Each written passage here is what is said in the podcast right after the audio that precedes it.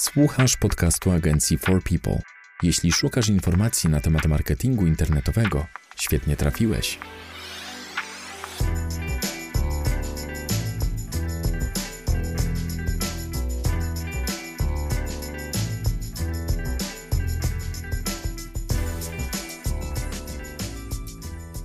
Cześć, dzień dobry.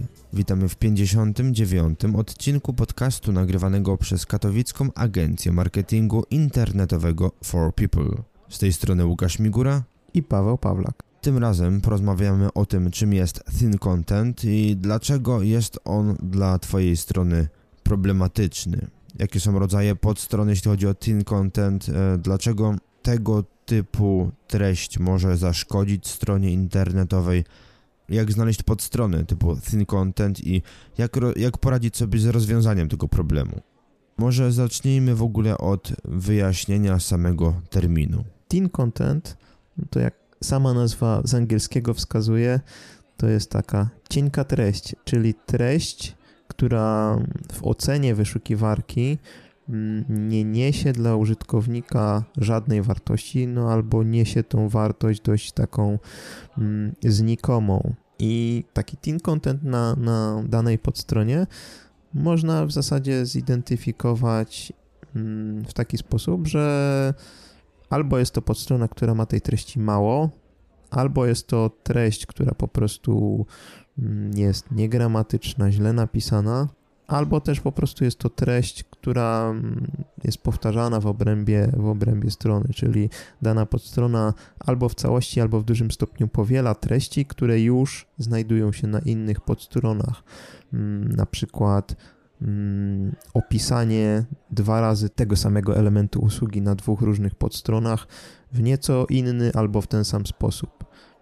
Dobrym przykładem takich stron typu Teen Content są często występujące na stronach podstrony tagów, gdzie po prostu no, w zasadzie poza tym, że, że, że zawierają tak konkretne tagi prowadzące do, które zawierają konkretne podstrony, no to użytkownikowi w zasadzie nie niosą żadnej jakiejś do, dodatniej wartości.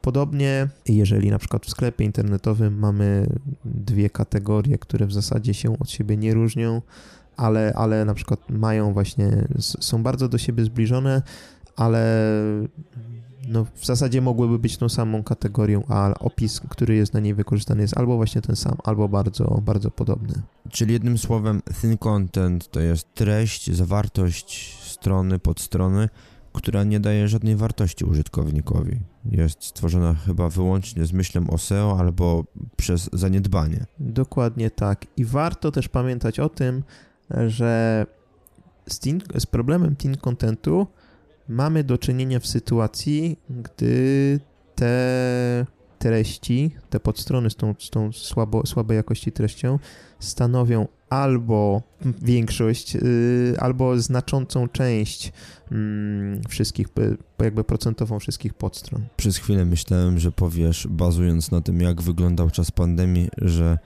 e, problem thin contentu to tak naprawdę większość e, internetu ostatnio. Można tak powiedzieć, można tak powiedzieć, bo niestety właśnie te jakości, słabej jakości treści no, coraz, coraz częściej są y, produkowane właśnie po to, żeby y, generować te kliki, hmm, przyciągać użytkowników, ale no nie zawsze, nie zawsze jest to coś, co użytkownikowi może gdzieś tam tą wartość przynieść. Jakie są w takim razie rodzaje podstron, jeśli chodzi o thin content? Jeżeli chodzi o, jeżeli chodzi o rodzaje thin contentu, no to tutaj na przykład możemy, z thin contentem mamy do czynienia na podstronach, na których na przykład treść jest generowana automatycznie. Mm, nie, nie została napisana przez człowieka, tylko na przykład została napisana mm, przez, przez algorytm, który, który prze, przez sztuczną inteligencję, która, która te treści y, generuje. Inny rodzaj, pod,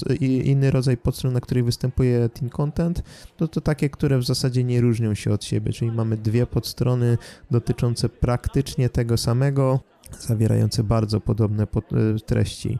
Mm, kolejny rodzaj podstrony team contentowej to są podstrony, które dla użytkownika nie mają w zasadzie żadnej wartości i wątpliwe jest to, czy jest w ogóle sens, żeby one były w ogóle częścią strony internetowej. Kolejny, kolejny przykład e, Team Contentu, no to strony z tekstem przygotowanym wyłącznie z myślą o wyszukiwarce, czyli nasycone frazami kluczowymi, mm, na, na, na, na które chcielibyśmy naszą stronę wyświetlać wysoko w wynikach wyszukiwania, Natomiast no jeżeli wczytamy się w ten tekst, no to on w zasadzie nie ma żadnego tutaj, mm, żadnej wartości dla użytkownika, no jest on po prostu kiepski.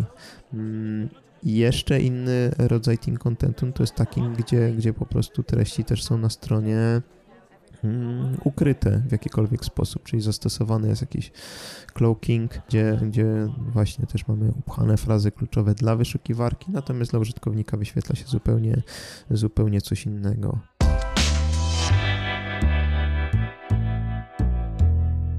To jest podcast agencji For People, dedykowany przedsiębiorcom i wszystkim miłośnikom marketingu internetowego. Jeśli chodzi o te treści niskiej jakości, to tak sobie myślę, że czasem nie warto czytać e, opisów w kategoriach na sklepach internetowych. e, bardzo wielu właścicieli ma takie podejście, czy pozycjonerów, no, że ten tekst po prostu musi być i niech będzie jaki jest, nie? To też nie niesie wartości, a przecież fajnie można wykorzystać to pole, żeby, żeby jeszcze zachęcić kogoś do sprzedaży, ale jeśli tego nie robimy i decydujemy się na słabej jakości opis w kategorii, jeśli decydujemy się na posiadanie mm, wielu takich samych tekstów na blogu, jak tego rodzaju treść może zaszkodzić stronie? Pierwszym, pierwszym problemem, y, jaki, z jakim możemy mieć do czynienia, jeżeli na naszej stronie występuje teen content, to sposób, w jaki nasza strona jest oceniana przez wyszukiwarkę. Jeżeli właśnie ten problem u nas występuje, to automatycznie nasza strona będzie oceniana gorzej, a co za tym idzie, no spadną nasze pozycje w wynikach wyszukiwania, albo bardzo utrudnione będzie ich osiągnięcie. Co gorsza, jeżeli ten problem u nas występuje, to często właśnie takie podstrony, na których teen content występuje, mogą za sobą pociągnąć strony, na których ten, ta treść jest lepszej jakości, czyli wyszukiwarka ocenia całą naszą stronę, a nie tylko te podstrony, na których ten team content występuje. Czyli jeżeli właśnie z team contentem mamy problem, to obrywają nie tylko podstrony, na których ten team content występuje, ale również te, na których mamy wartościowy, wartościowy content, bo tutaj ten problem jest po prostu yy, globalny.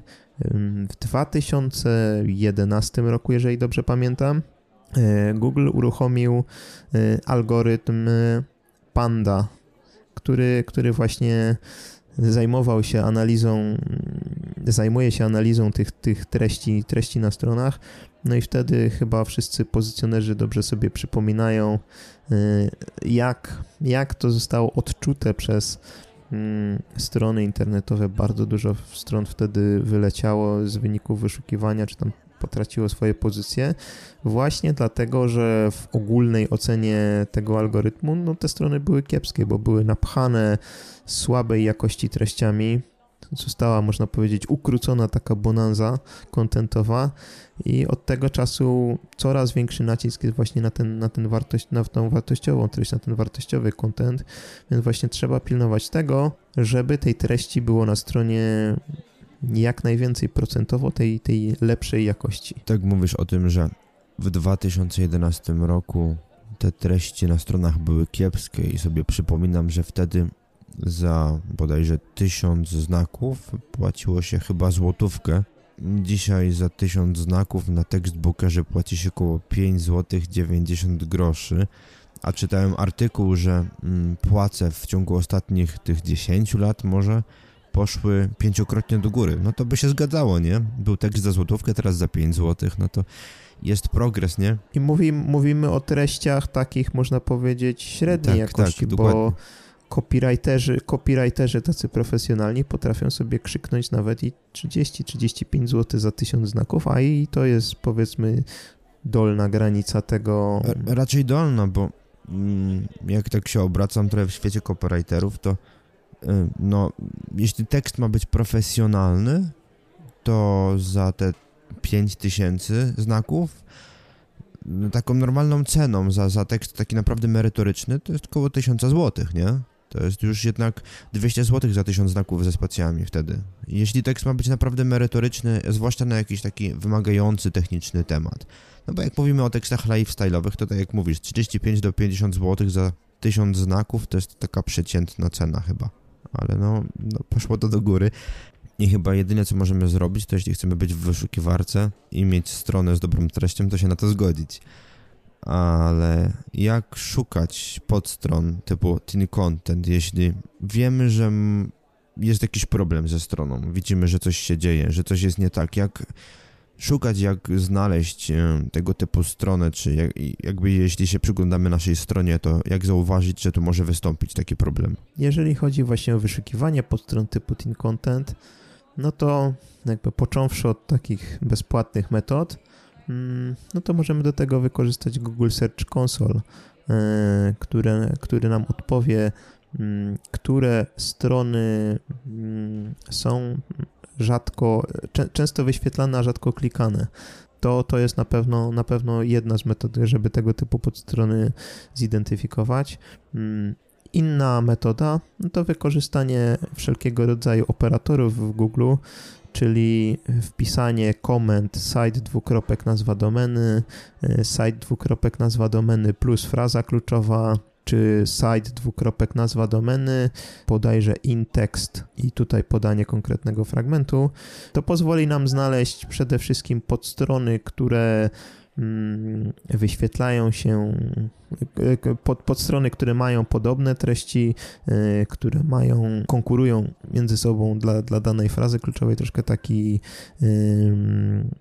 troszkę taka kanibalizacja, ale no w zasadzie też, też jakby e, w, w, tym problemie team contentu chcemy zidentyfikować właśnie te strony, które w jakimś tam stopniu nam, nam szkodzą. Inna metoda no to wykorzystanie wszelkiego rodzaju y, narzędzi takich crawlerowych, jak na przykład Screaming Frog, który też pozwala nam sprawdzić, y, które, które podstrony nie posiadają treści, znajdować, y, analizować duplicate content, analizować powielające się metatagi, znalezienie podstron, które nie są w ogóle podlinkowane i są tam tak, tak zwane sieroty, albo też identyfikacja podstron, z których dużo linków wychodzi, no bo to też, też, też, też może być pewien rodzaj team contentu, gdzie mamy, mamy podstronę, która w zasadzie jest tylko takim y, doorwayem do innych, do innych stron, no to też może zostać ocenione właśnie jako ten, ten team content.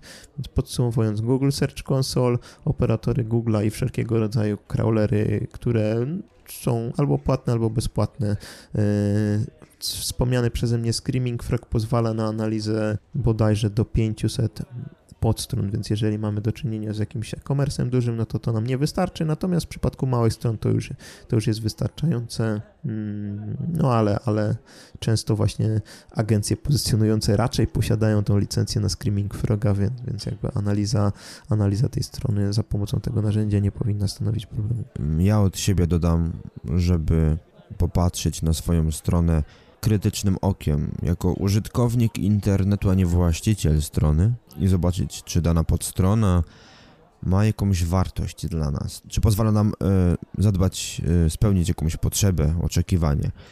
Jeśli sama podstrona jest tylko po to, żeby była i nie widzicie sensu w niej jako takiego, z perspektywy użytkownika. Nie można tam nic kupić, nie można się nic dowiedzieć sensownego, nie można wysłać żadnego zapytania, no to jeśli dla Was ta podstrona jako dla użytkownika nie ma znaczenia, no to dla Google'a i innych użytkowników też tego znaczenia nie będzie miała. I myślę, że to też tak jest fajne mm, móc spojrzeć na to, co się zrobiło i czy to ma jakąś wartość. I chyba o to w tym wszystkim chodzi, żeby patrzeć, czy to, co robimy, ma, ma wartość. Jak nie, to żeby tego nie robić, bo to na dłuższą metę i tak się nie opłaci. Wyda wydaje mi się, że, że metoda, którą przedstawiłeś jest właśnie bardzo, bardzo też yy, istotna, natomiast też y, niezwykle trudna, bo niestety bardzo trudno jest krytycznie spojrzeć na swoją stronę. Jeżeli coś na tej stronie zostało zawarte, to często może nam się wydawać, no, że jest zawarte, bo, bo, bo każda z tych pod ma jakiś, ma, ma jakiś swój cel, ale tak jak mówisz, trzeba spojrzeć na to troszkę jak, jak użytkownik, ale też troszkę spróbować spojrzeć na tą stronę jak robot wyszukiwarki. A jak już wiemy, czy któryś zakres podstron ma treści słabej jakości, czy nie ma tych treści, czy strona nie pomaga w spełnianiu e, jakichś tam potrzeb, nie można dzięki niej jakby czegoś zyskać. Jak sobie, jak rozwiązać problem? Thin contentu na stronie internetowej, jak z tym walczyć i czy są jakieś takie półśrodki, żeby, żeby, żeby to rozwiązać, czy można iść trochę na skróty. Mam w głowie jedną rzecz, którą trzeba zrobić, ale dla mnie jako perfekcjonisty jest to droga oczywista i ja nie boję się tego kroku. Wiem, że natomiast, że są ludzie, którzy no, boją się podejmować niektórych decyzji i nie chcą e, iść w tą stronę. Jak sobie poradzić ze słabą jakością danej podstrony? Tutaj wydaje mi się, że można pójść w dwóch, jakby w dwa kierunki. Pierwszy z nich no to jest jakby zmniejszenie liczby podstron typu Teen Content poprzez w cudzysłowie pozbycie się ich, czyli ustawienie, ustawienie przekierowań z adresów URL z tym contentem na jakieś wartościowe podstrony, ustawienie no index mm, dla, dla podstron niskiej jakości, bądź też ustawienie kanoniczności na strony o wyższej wartości, więc nie są to stricte usunięcia, ale raczej po prostu wyłączenia tych, tych podstron z udziałów e, w architekturze strony na różne sposoby, tak żeby po prostu robot wyszukiwarki albo nie brał ich pod uwagę, albo biorąc je pod uwagę, no był, był kierowany na, na inne strony przez przekierowanie, bądź też przez, e, przez kanonikale. Druga ścieżka to oczywiście pilnowanie, żeby ten team content na naszej stronie nie występował i przygotowywanie lepszych treści, jakby przemyślenie zawsze tej architektury, czy nowa podstrona, która powstanie, jest nam rzeczywiście potrzebna, czy tworzymy ją tylko po to, żeby, nie wiem, pod jakąś konkretną frazą się pojawiać, ale nie będzie to jakaś specjalna wartość dla użytkowników, bo mamy na przykład e, podstronę z jednym wariantem produktu a rozbijemy go na, na dwa, dwa, dwa różne warianty produktów, gdzie, gdzie po prostu no, użytkownik szukając jakiegoś produktu no, nie, będzie, nie będzie potrzebował poszukiwania go w dwóch różnych podkategoriach, tylko lepiej, żeby to była jedna kategoria. Więc z jednej strony wyłączenie tych podstron z udziałów w, w architekturze, z drugiej strony po prostu dbanie o to, żeby ten, ten problem u nas nie występował i przygotowywanie tych lepszych treści. I jeśli chodzi o, o to pozbywanie się podstrony z architektury, to ja jestem zwolennikiem całkowitego usunięcia podstrony i przekierowania, z tego tytułu, że w ten sposób też trochę oszczędzamy tak naprawdę zasoby, które są potrzebne do samego utrzymania strony, do jej indeksowania. Nie ma sensu trzymać tych danych, jak już wiemy, że one są fizycznie na jakichś dyskach i zajmują przestrzeń, a to do tego potrzeba prądu.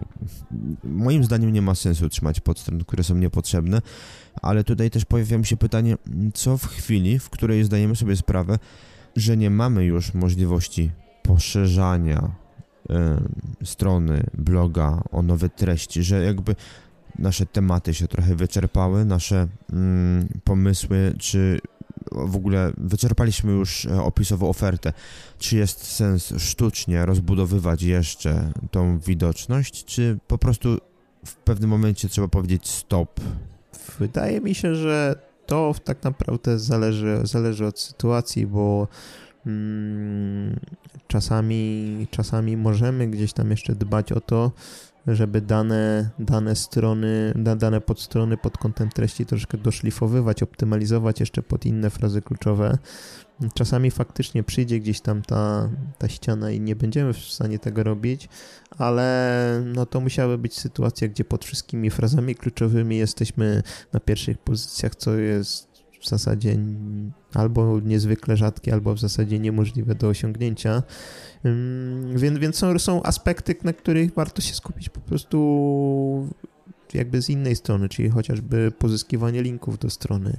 Mm, już jakby odejście od tego, jeżeli zrobiliśmy na naszej stronie wszystko, co możemy zrobić, no to próbujmy, próbujmy też, też działać po prostu w innych obszarach. Czyli w pewnym momencie optymalizacja i linki, a niekoniecznie tworzenie nowych adresów URL, które no obecnie mogą się nie zaindeksować. Tak. I myślę, że to tyle, jeśli chodzi o 59. odcinek podcastu nagrywanego przez katowicką agencję marketingu internetowego For People. Mówili dla Was Łukasz Migura i Paweł Pawlak. Dzięki za uwagę. Myślcie o tym, jakie treści publikujecie na swoich stronach, dbajcie o ich jakość i powodzenia w biznesach. Dzięki za uwagę i do usłyszenia następnym razem. Trzymajcie się. Cześć. To był podcast agencji marketingu internetowego For People. Dziękujemy za uwagę. Wolisz czytać niż słuchać? Zapraszamy na stronę naszego bloga marketingdlaludzi.pl. A jeśli potrzebujesz pomocy z promocją firmy w internecie, odwiedź naszą stronę forpeople.pl. Zapraszamy do wysłuchania następnych odcinków. Do usłyszenia.